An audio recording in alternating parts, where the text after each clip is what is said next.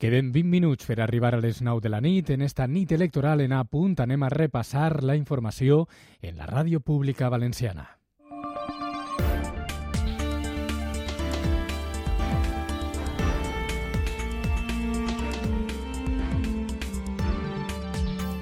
Bona vesprada, bona nit. Pràcticament estem immersos en la nit electoral de les eleccions generals del 23J i la gran incidència la trobem des de primera hora del matí als trens. 9.000 viatgers s'han vist afectats per la inundació en un túnel de València que ha obligat a suspendre la circulació d'almenys 9 trens de llarga distància cap a Madrid i cap a Sevilla. Alguns d'estos viatgers havien d'anar a votar. A l'estació de l'AVE de València està Carla Sales endavant.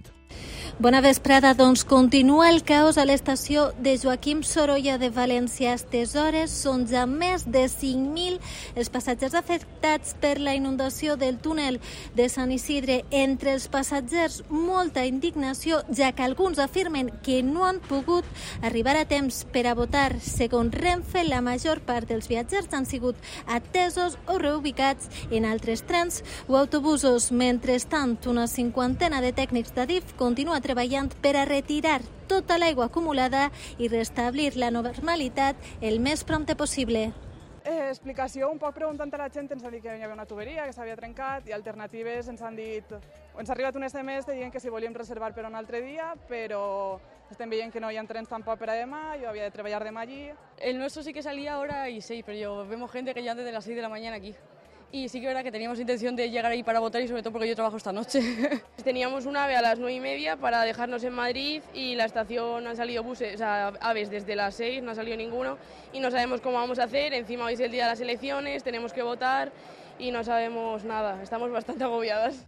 És el gran mal de cap en esta jornada electoral on Espanya està decidint o ha decidit ja entre la reedició d'un govern de coalició progressista entre PSOE i Sumar o el gir cap a la dreta amb el PP amb el suport de Vox. Els caps de llista de les quatre formacions majoritàries han votat este matí, abans del migdia, el més matiner. Ha sigut el president i candidat socialista Pedro Sánchez, ha fet una crida a la participació i el líder del PP, Alberto Núñez Feijó, ha demanat que els espanyols donen un missatge esta nit clar en les urnes. Lo único que puedo pedir es la mayor de las participaciones, la mayor de las movilizaciones, porque haciendo eso, que haya movilización, que haya una participación histórica, haremos también que el gobierno que salga de las urnas sea un gobierno fuerte para que España pueda avanzar durante los próximos cuatro años. Es evidente que nos jugamos muchas cosas.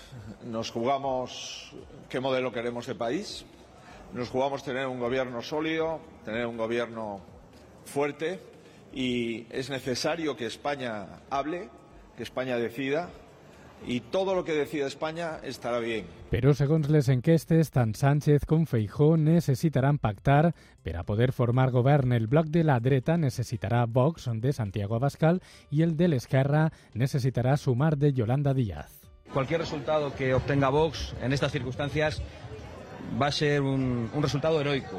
El apoyo que recibamos va a ser heroico porque no hemos podido hacer ninguna campaña con todo más en contra. No voy a hablar de hipótesis, yo creo que hoy lo importante es si España cambia de rumbo. Sobre todo hago un llamamiento para que pensemos que el derecho al voto no ha caído del cielo, que se ha luchado mucho en este país para que podamos votar con libertad. Y lo que nos jugamos hoy es mucho. Seguramente para la gente de mi generación son las elecciones más importantes. Nos jugamos la próxima década. Anem a tancar la portada amb la previsió de l'oratge. Javi Miró, bona vesprada. Hola, bona vesprada, Jordi. Avui hem notat com les temperatures màximes han pujat respecte a ahir, i és que ahir van disfrutar, van gaudir d'una jornada prou apassible. Avui les temperatures ja han pujat per damunt dels 35 graus, sobretot en municipis de l'interior, i destaquen temperatures per damunt dels 37 en municipis com Requena, Ayora o també la zona de Sumacàrcer. Destacar que aquestes temperatures al litoral han quedat entre els 30 i els 32, amb bona cosa de basca, perquè tenim molta humitat. Però no tindrà res a veure l'oratge que hem tingut avui amb el que tindrem demà. De fet, a partir d'esta pròxima nit i matinada començarà a accelerar-se el vent de ponent, primer afectarà zones de l'interior, demà de matí encara despertarem amb núvols abundants en punts de la meitat nord del territori, i això deixarà una nova nit de molta basca al litoral, I què passarà durant les hores centrals del dia? Doncs que el vent de ponent es farà pràcticament generalitzat a la meitat sud del territori i això deixarà temperatures màximes prop del litoral per damunt dels 40 graus. Veurem fins on queden, però l'Agència Estatal de Meteorologia ha activat l'avís taronja al litoral central i també a l'extrem sud perquè es podran passar dels 39 o dels 40 graus i en punts de les comarques centrals es passarà dels 38. Veurem fins on puja el termòmetre i destacar per acabar este espai de l'oratge que les temperatures tendixen a la normalitat de cara a dimarts. Gràcies, Javi. Juan Alpuente està en la part tècnica. Ara són les 8 i 45. Anem ja amb tots els detalls d'eixa incidència en Renfe que ha afectat un total de 9.000 viatgers de trens de llarga distància afectats, com diem, per la inundació en el túnel de Sant Isidre a València. Segons Renfe, vora 2.000 han pogut ser atesos i reubicats en altres trens i autobusos. En total s'han vist afectats 9 trens, entre els quals l'AVE, que fa el recorregut València-Madrid i València-Sevilla. Eh, explicació, un poc preguntant a la gent, ens han dit que hi havia una tuberia, que s'havia trencat, i alternatives ens han dit... Ens ha arribat un SMS dient que si volíem reservar per un altre dia, però estem veient que no hi ha trens tampoc per a demà, jo havia de treballar demà allí. El nuestro sí que salía ahora y 6, pero yo vemos gente que ya desde las 6 de la mañana aquí. Y sí que verdad que teníamos intención de llegar ahí para votar y sobre todo porque yo trabajo esta noche. Teníamos un AVE a las 9 y media para dejarnos en Madrid y la estación han salido buses, o sea, aves desde las 6, no ha salido ninguno y no sabemos cómo vamos a hacer. Encima hoy es el día de las elecciones, tenemos que votar y no sabemos nada. Estamos bastante agobiadas. Renfe continua reprogramant serveis per a facilitar la mobilitat dels viatgers entre Madrid i València en plena jornada electoral. Se'ls està oferint alternatives des de desplaçaments, com ara trens Àlvia i convencionals també. Pilar Bernabé és la delegada del Govern d'Espanya. Adif está trabajando desde el primer minuto. Mientras tanto, Renfe está ya poniendo en marcha rutas alternativas para los usuarios y viajeros que tenían previsto viajar, tanto desde Madrid como desde València. L'empresa Adif continua treballant a estora per a retirar tota l'aigua acumulada en el túnel. Es tracta de l'aigua que han amollat els bombers esta passada matinada per a apagar un incendi que s'havia produït en una arqueta. Ángel Contreras és el director de manteniment Ahora mismo se está, se está trabajando en poner una bomba auxiliar para poder eh, trabajar de forma autónoma y poder evacuar el, agua lo antes posible. No se ha podido entrar antes eh, porque debido al incendio había una concentración importante de monóxido de carbono, con lo hacía una atmósfera complicada para trabajar. Ahora mismo ya está libre y ya estamos trabajando en ese sentido. Diumenge de juliol d'eleccions generals, un calendari marcat en roig a molts pobles perquè estan en festes. Alguns d'ells, eh, els ho estem contant en este dia informatiu, han avançat les celebracions per evitar eixa coincidència. Altres no ho han volgut fer i avui exerceixen el dret al vot vestits de moros i cristians o passejant entre fogueres. Ha sigut el cas de Oliva a la Safor i de Sant Vicent del Raspeig a l'Alacantí. Allí està Pere Conca. 45.192 persones estan cridades avui a votar a Sant Vicent del Raspeig. D'elles, més de 700 pertanyen a les 10 fogueres i a les 12 barraques que hi ha a la població i que estan de festa des del passat dimecres. Tots ells han hagut de barrejar la festa i l'opció de votar de nou en unes eleccions generals. Algunes comissions, com la del Parc Lo Torrent, l'Horta, han volgut facilitar la votació i han acompanyat alguns dels comissionats al col·legi electoral. Yo no he ido nunca a votar así, no lo hemos pasado bomba, hemos disfrutado de maravilla. Esto puede ser que cueste levantarse a lo mejor hasta el último momento de que se puede votar. Pues al final hi ha que donar prioritat, sí, personalment li dono prioritat a la festa. Votarem ara després, després de dinar, quan estiguem un poc més tranquil·lets. I jo sempre dic que tenim que anar a votar, perquè és una cosa que s'ajuda molt i anem que anar a votar.